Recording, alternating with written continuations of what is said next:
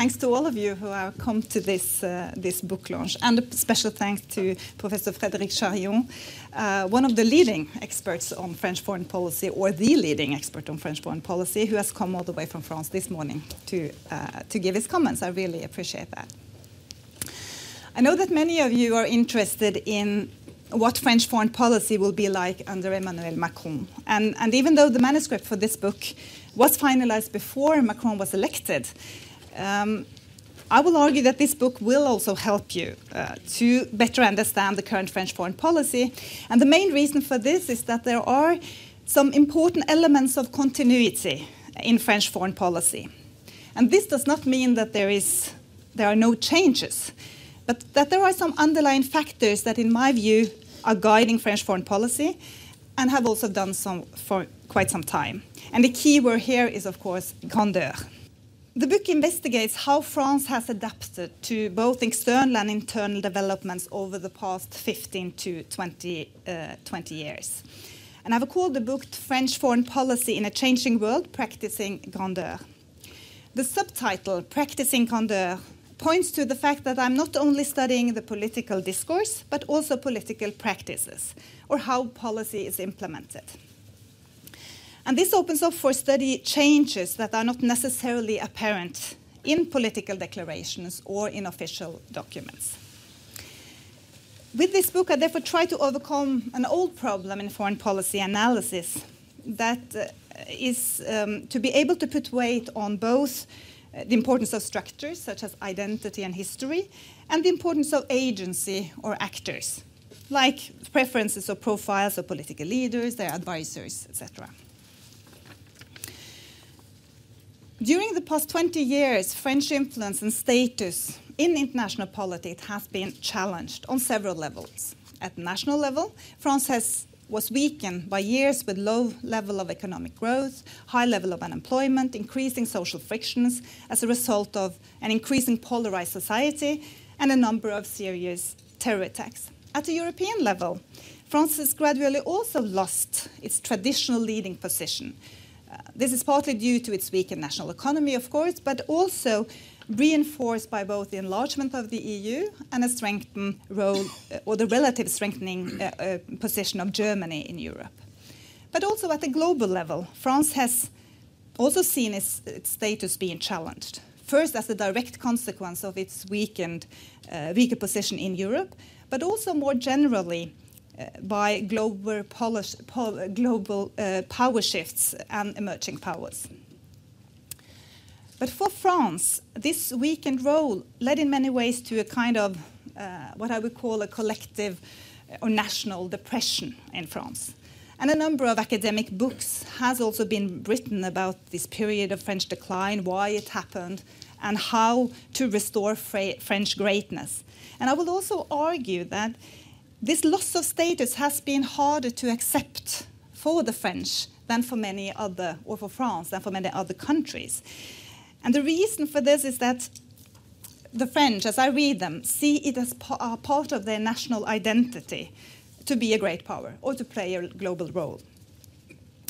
The French see their role as something exceptional and something unique. And this exceptional, exceptionalism is rooted in the role France has played in history, of course, and especially in particular uh, in developing universal um, uh, principles and norms. So the idea of grandeur is something deeply French as I see it. De Gaulle has, of course, been the most explicit in highlighting the notion of grandeur. He argued that La France ne peut, être, ne peut, être, peut pas être France sans grandeur. France cannot be France without greatness. And for non French, this can easily be dismissed as a cliche or something of the past. But this is actually deeply rooted in France, way beyond de Gaulle. And it is not difficult to find similar quotes from more or less all French presidents since de Gaulle. And as you see here, both Hollande and Macron has also expressed this. And in this book, I argue that the concept of status seeking is a powerful tool for understanding French foreign policy but also that it has taken a different form in different periods since the end of the Second World War. For instance, after the Second World War, France was also in a very weak position. De Gaulle's ambition then was to make France a natural member of the club of the winning parties, and he also succeeded. In spite of its weakness at the time, France became one of the permanent members of the UN Security Council.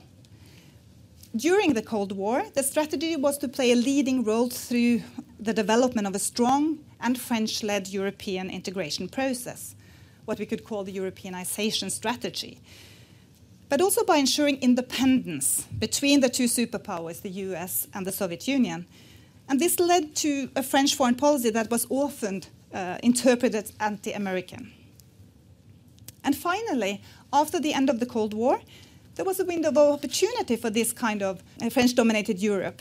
And, and we saw also a boost in the integration process with the French German leadership at the core. And what followed was the establishment of political union, euro, the first initiative for a strong European security and defense cooperation, the enlargement process, etc. But with this, um, the, the challenges that I just mentioned also came creeping, both at the national, the regional, and the global level. And French role in international affairs and in Europe was gradually weakened. And this was something the French were not really prepared for. So, based on this background, the question that I ask in the book is the following Has France now abandoned its ambition of playing a global role? Has it accepted a new role as a middle power?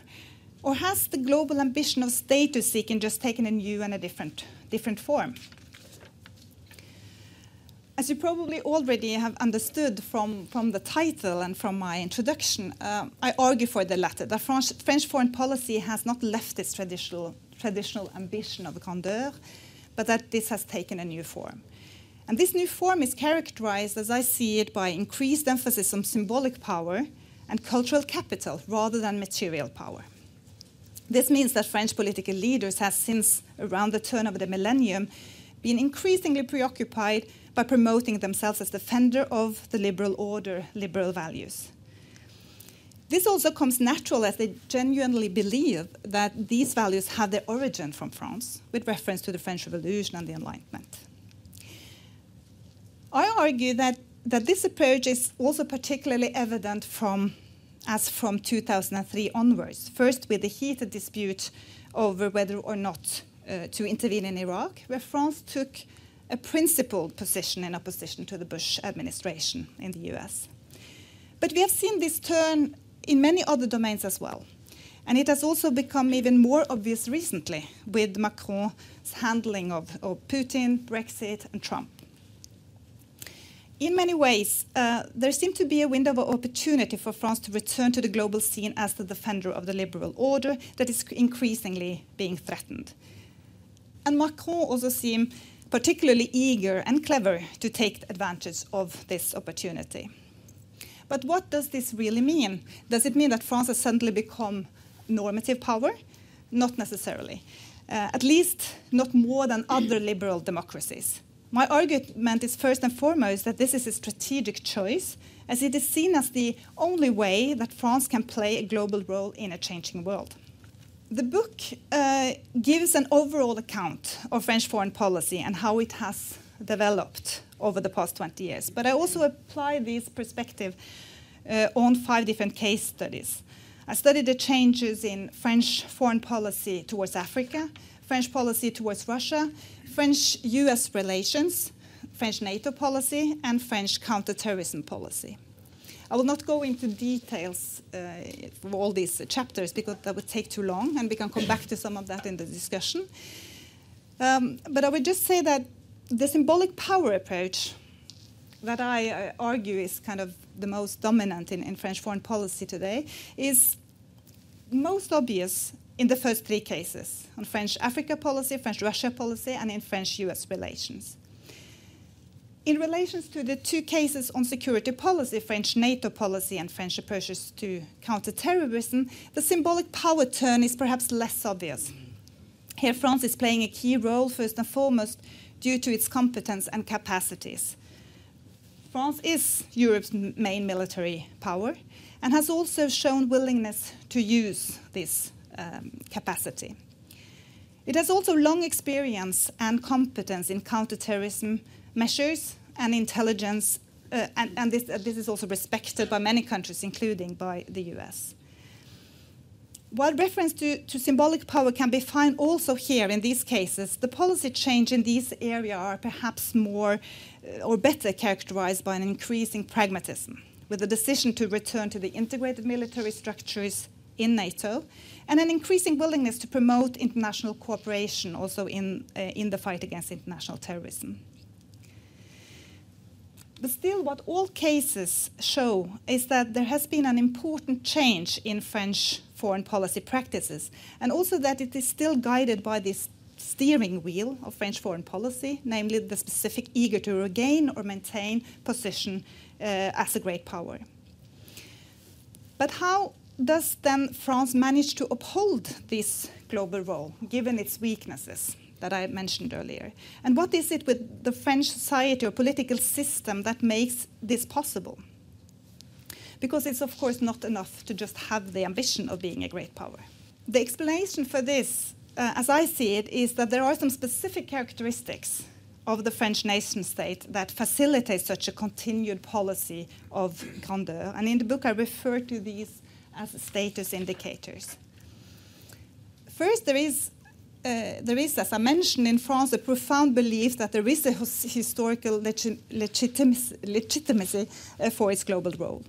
And secondly, France has also, during the Fifth Republic, uh, developed a set of strong centralized political institutions.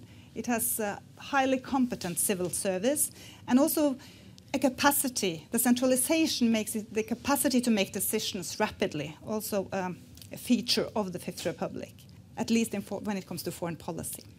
Third, uh, the national representation also at the core of important international institutions is of course crucial, uh, both in the UN Security Council and at the core of the EU and other international institutions. And finally, it has also strong instrument for deployment of both hard and soft power, and also the willingness to use them. Uh, France is Europe's most important military power, as I mentioned, but it also have a competent diplomatic corps, including cultural diplomacy, with a global outlook, which is not so easy to find in other, uh, other countries. So to conclude, of that size at least, um, uh, so to conclude, uh, the key argument in this book is then that French exceptionalism, or what I refer to as grandeur, is still a key feature of contemporary French foreign policy, but France can no longer play this global role based on its representation in core international organization or its material power uh, only, as it has done in the past. Projection of symbolic power and cultural capital is now increasingly seen as the only way to regain international status. And this is also why French foreign policy practice has become increasingly guided by multilateral, an explicit reference to multilateralism and respect for international norms. This has been the dominant feature of French foreign politics, politics since the early 2000s, but has also been gradually intensified and is now even more evident with Macron.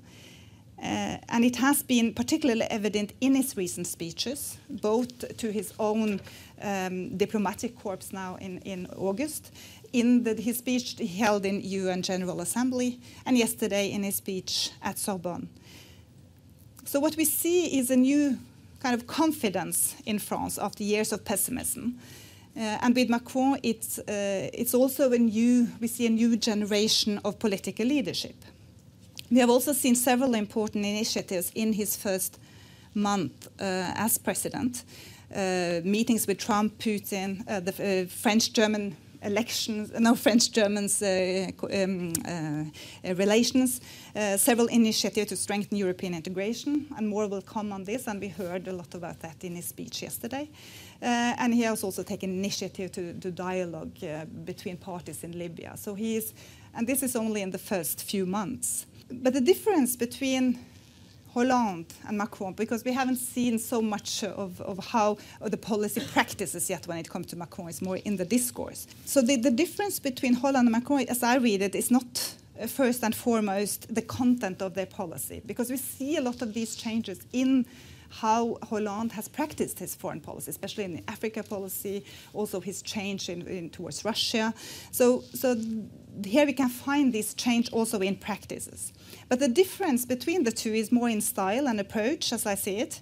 Macron's the willingness to take the, on the leadership and to follow up with action. At least it seems seems so, and he genuinely believes, it seems, to, to that he will succeed. And this also makes him more convincing. So what, what is interesting now is if he managed to kind of uh, keep up and to meet the challenges uh, that he is very likely to meet uh, when he's going to move from kind of vision to uh, to implement his policy and concrete policy practices. So thank you so much. This was my presentation. I will end just with a with the book. and uh, uh, thank you so much for listening. Uh, thank you so much for coming. I will give the, the floor to, to Professor Frédéric uh, Charillon, who will give his uh, comments before we will have a, a discussion. So, Frédéric, the floor is yours. Thank you very much, uh, Pernille. Th thank you very much for inviting me, and let me just tell you how happy I am to to be with you today because I know the the, the, the dynamic and the, uh, all the works of this institute and the, works of Pernille too. And uh, it's very uh, we, we, meet at last because I, I, I knew your works and uh, we, we wrote to each other, but it's the first time that we really have the time to.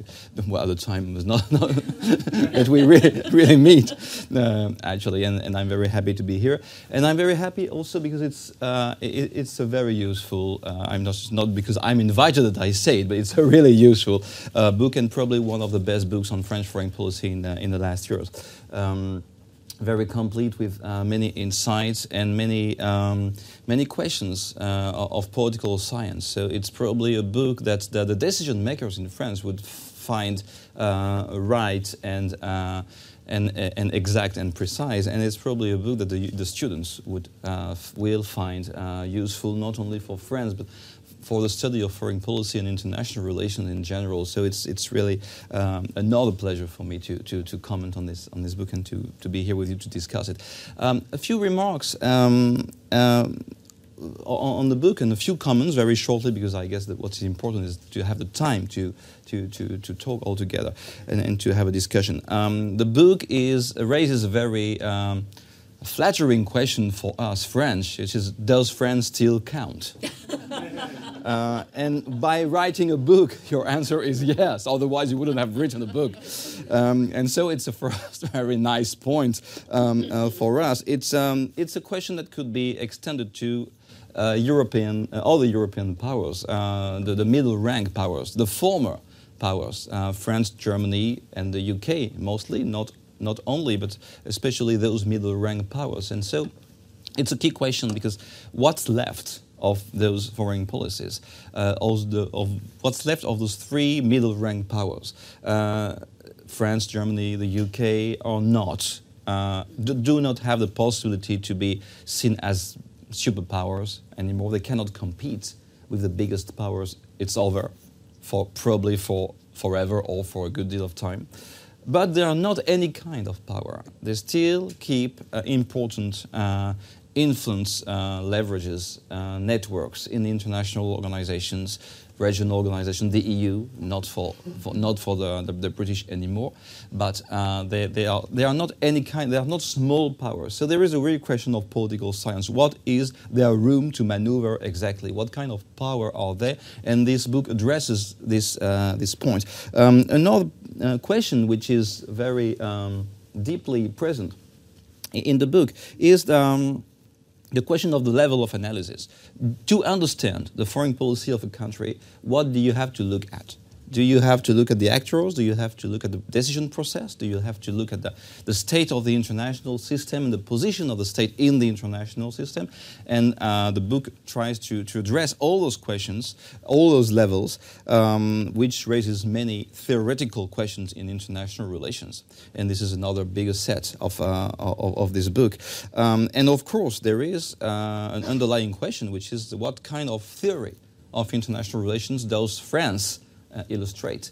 Is it ex a typical example of realism, realist for realist international relations? Is it an example of constructivist uh, theory with the role, the perceptions, symbolic power, uh, the perceptions by France of his own role uh, in the world, and so on. Maybe also we could discuss the transnational um, theory, because after all, uh, there are many links between France and other parts of the world, especially Africa and North Africa, uh, which have a lot to do with uh, transnational networks. Um, it's, it's a question of uh, in IR, international relations theory, uh, too. I would say that uh, you, you have uh, shown the, the, the, basic hypothesis.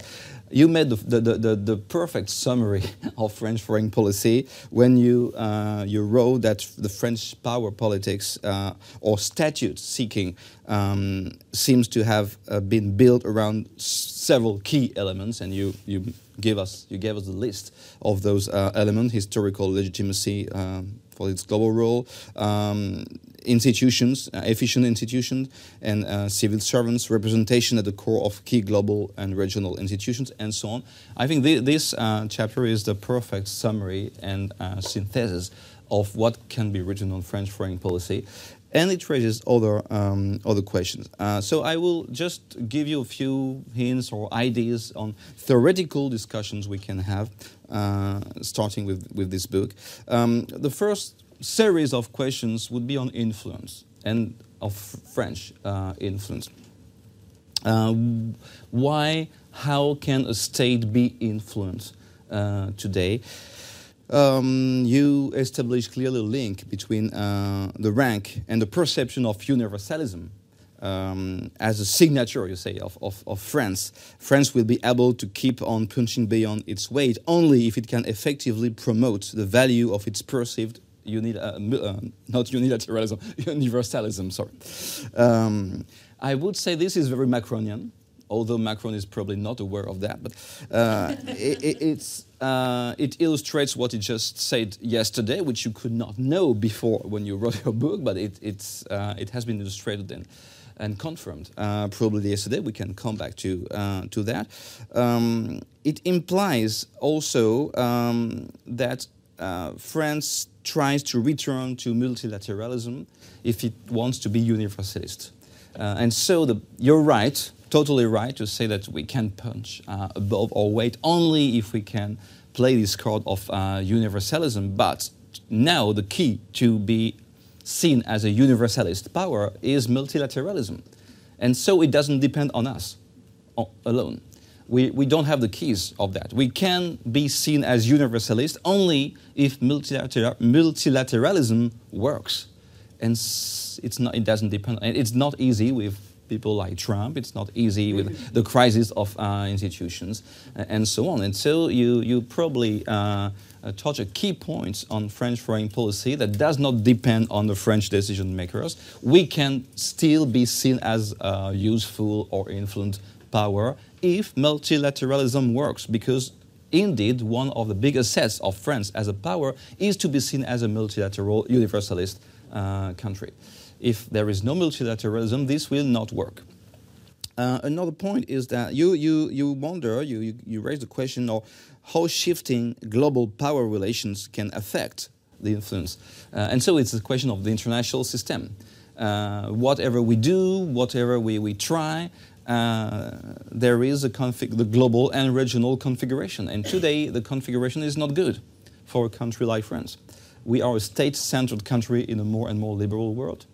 Uh, Europe was our buzzword and, uh, and our project, and it has been reaffirmed yesterday by President Macron. But Europe is in crisis, a multifold crisis.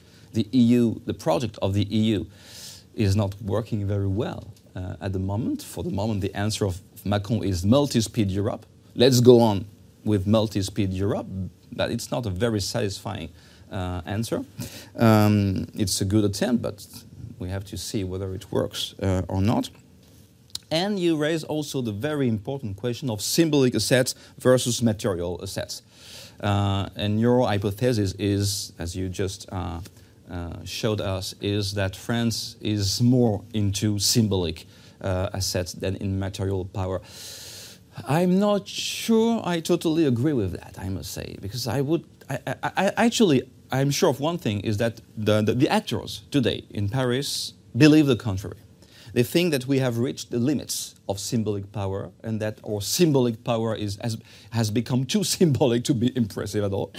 Uh, and so it's time to uh, recover rooms to maneuver. It's time to play more on material uh, power. It's time to to, to solve the problem of national debt. It's time to find new rooms to maneuver in terms of financial means. Uh, we have to be more present in the material power. Otherwise, this symbolic power will not last. We have reached the limits of it. It's not possible in this world to say you have to listen to us because we are friends. it, it, it's, uh, it has been working for, for a long time, but we probably reached the limits. And so the, the recent moments when France played a role in international relations, it was due to its material power. Uh, it was the military interventions in Mali, in Central Africa, uh, and so on. It's the, the fact of, of being still a nuclear power uh, with a deterrence uh, force, and so on and so on. But we also know that uh, this material power is probably coming to an end, or at least we have to invest a lot of money to keep it up. Uh, the nuclear deterrence will have to be modernized or disappear in the coming years, very, uh, very soon. Um, military intervention has been a kind of, uh, of big moment for France uh, in the past years, but we don't know if we would be able to do it again. We have no idea.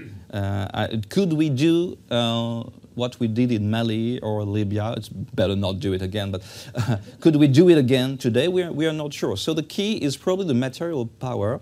You're right, totally right to say that there is a symbolic power and so on, but I think this has reached um, certain limits. Um, also, um, oh, there would be a lot, uh, too many things to say, so I, I won't, I won't be uh, too long because we have to, to, to take time to, to, to have a discussion. But um, on also um, on your main hypothesis, one of your main hypotheses, actually, uh, globalization and regional integration are processes that challenge France's ability to influence international politic, politics. So the question is, does France have less influence or capacity uh, of collective mobilization today, or does it have still the potential to go on punching above its weight? Um, I have, I, I, of course, I have many questions about that. Uh, first of all, well, of course, all those questions are absolutely right and, and, and relevant. Is it a question of, for France only, or is it a question for the European states in general, or is it a question for the West in general?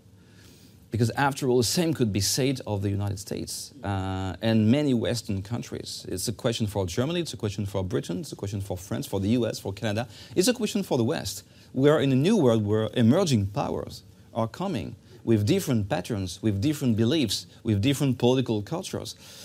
And so, yes, your, total, your book is on France, so uh, the question is absolutely relevant for, for France, but I'm not sure. Is it only a French question? Is it uh, a Western question in general? Is it a European question? Or is it all that together, but more specifically French? Because uh, French is a state centered country in a world where state is a natural, among others, in international relations today. Uh, all the states have problems to rethink their foreign policy, their power, and their influence. So it's a question for everyone except that France indeed is a very state centered country who believes in states and the role of states. So when the state is in crisis, the French foreign policy is a little bit more in crisis than other countries. It, it, it's, uh, it's very uh, likely and possible, but all those questions are present in the, um, in the book. Um, and there are many, I found many concepts uh, of international relations that really deserve to be uh, to be rethought, and uh, and you do it in in the case uh, of France, in the light of the of the French case. For instance, the key concept of exceptionalism or grandeur. What is it exactly? Uh, everyone is exceptional. I mean, there, Russia thinks that it is exceptional. America thinks it is exceptional. Everyone thinks, uh, we all think we are exceptional. Uh, in France, there is, there is something different, which is this concept of grandeur. And there is a debate. Uh, grandeur is not uh, megalomania. In, in, uh, it's it's the, de Gaulle uh, coined the, the concept of grandeur, actually. Not as a kind of megalomaniac um, vision for France in the world. On the contrary, On the contrary, grandeur is um, something that can help replace the lost power. And it has been conceived as such by de Gaulle. Maurice Vaïsse wrote a book on a uh, French historian on uh, the politics of grandeur. Philippe Cerny, in English, wrote a book uh, too. But the concept of grandeur is not uh, greatness in the sense that uh, we must be uh, great and powerful is on the contrary, we cannot be powerful anymore. So we just have to be great. What does it mean? We have to be great in the in the discourse. We have to be to have hindsight or high level reflection on the world. We have to be a guide. We have to be I don't know what, but we don't have uh, the, the, power anymore. And so, of course, I totally. Um, I, I, we, we remember your hypothesis on symbolic power. Symbolic power is grandeur. The problem is how long can you last with that? Um, uh, also, there is a dialectic between interests and values that can be found very deeply in your, in your book. Uh, France plays on values and repeats and, uh, uh, all the time and reminds us of the values. Um, is it incompatible with interests?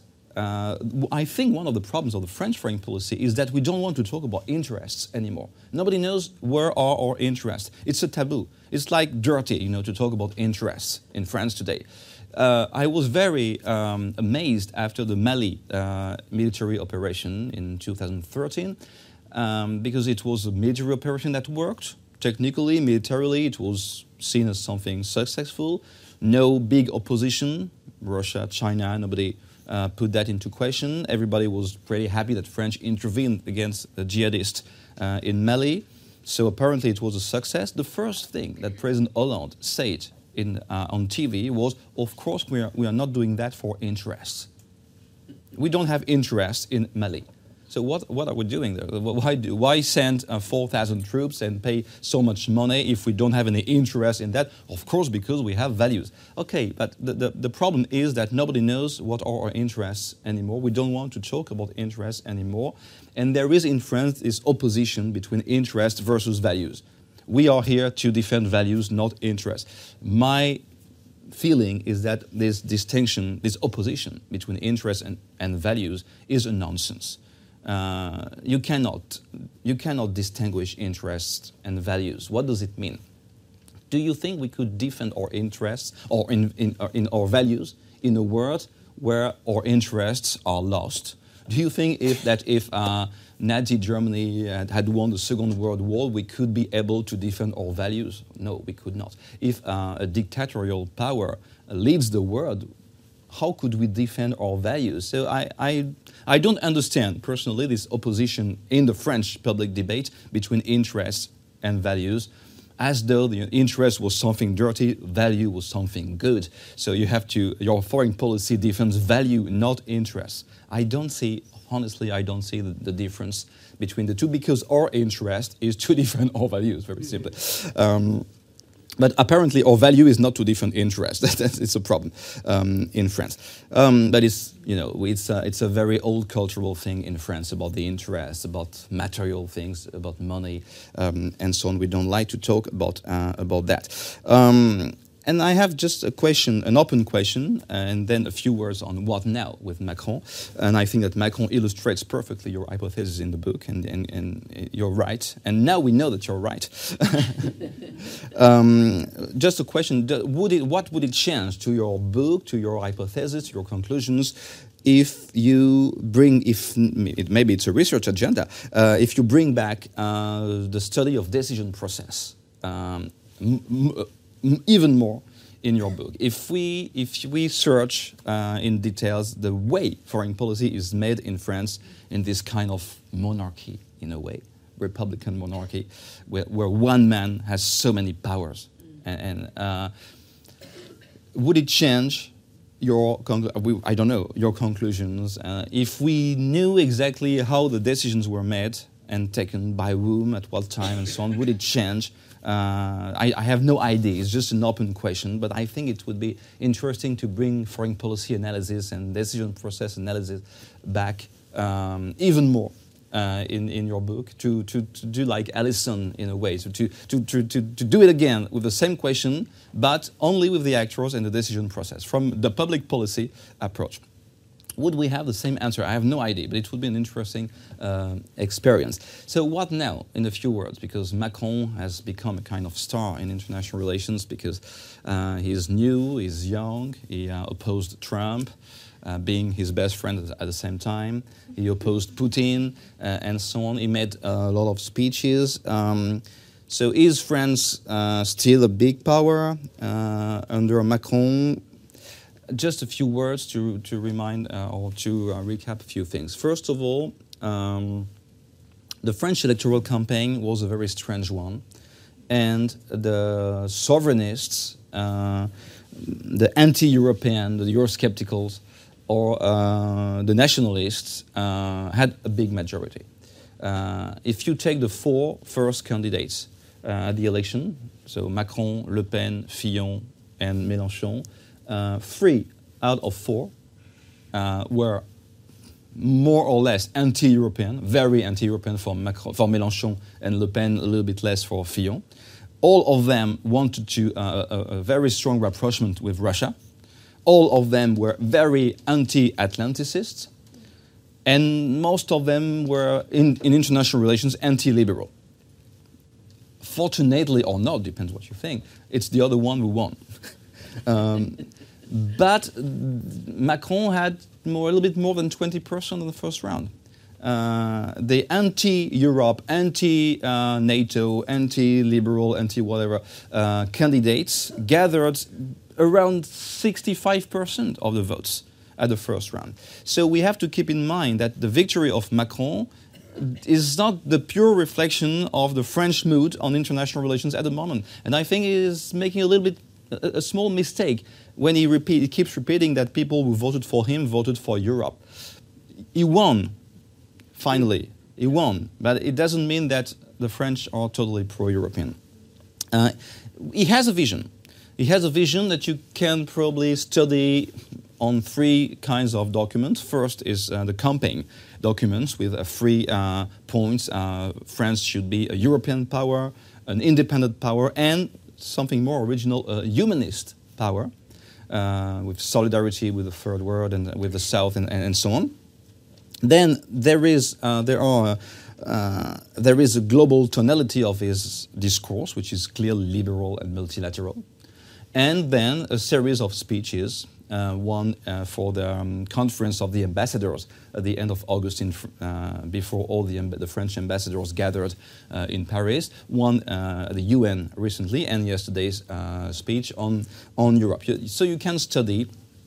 We we have. Um, a beginning of a vision of what Macron's foreign policy could be, and actually there is an ambition clearly uh, in his team is to invent a kind of Macronism of foreign policy. I don't know what will happen with that, but if they want to, uh, you know, his, his key word is en même temps in French, which is in the same time. Uh, and he wants to reconciliate uh, the Gaullo-Mitterrand uh, approach with the more Atlanticist and liberal approach. So everything is at the same time. And so it, it tries to, to coin something new, which would be kind of Macronist foreign policy, a little bit like Tony Blair tried the third way in Britain some years ago, but we all know how it, how, how it ended up. Um, I hope Macron will be more uh, successful. Um, with several risks. The first one is the Obama risk. I mean, many speeches that everybody uh, appreciates, but then, then what? Especially with no money. So when you remember the speeches of Obama in Cairo and uh, on, uh, in Prague and so on, even the United States could not deliver after the speeches. So with our budget, I don't know how we could. Uh, so this is the first risk. Too many speeches, but then a, very narrow room to maneuver.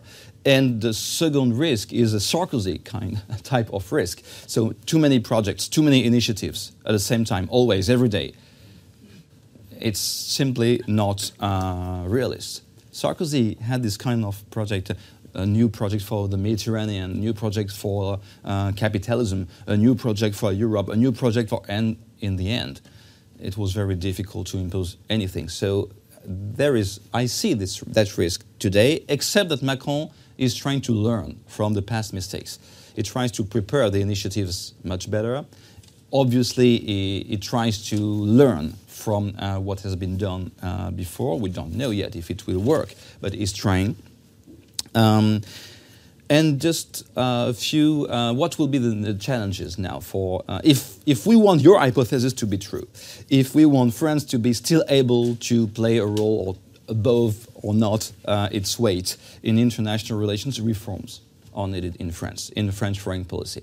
Uh, of course, it will depend on the international relations. It will depend on what happens in Africa, North Africa. If tomorrow there is a, a big turmoil turmoil in North Africa, if Bouteflika dies, if something happens to the King of Morocco or whatever, we will be in deep trouble. But let's put this aside. Uh, we have to reform the, the, tool. We have to reform the tool uh, in France. First, uh, we have to play the card of economic diplomacy to bring economy and trade more into our diplomatic culture. It's not easy in France. We don't like that. We don't like that. Uh, we try. Fabius tried to uh, encompass the foreign, uh, the um, international trade in the foreign affairs, but it's very hard.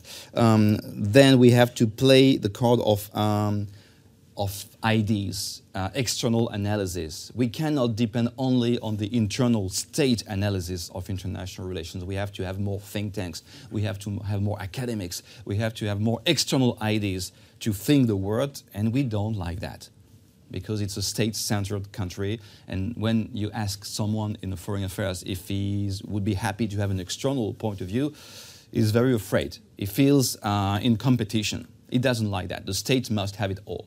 Uh, but we have to reform that. And also, we have to think influence instead of repeating every day that we want to be influenced. What does it mean to be influenced? What does it mean?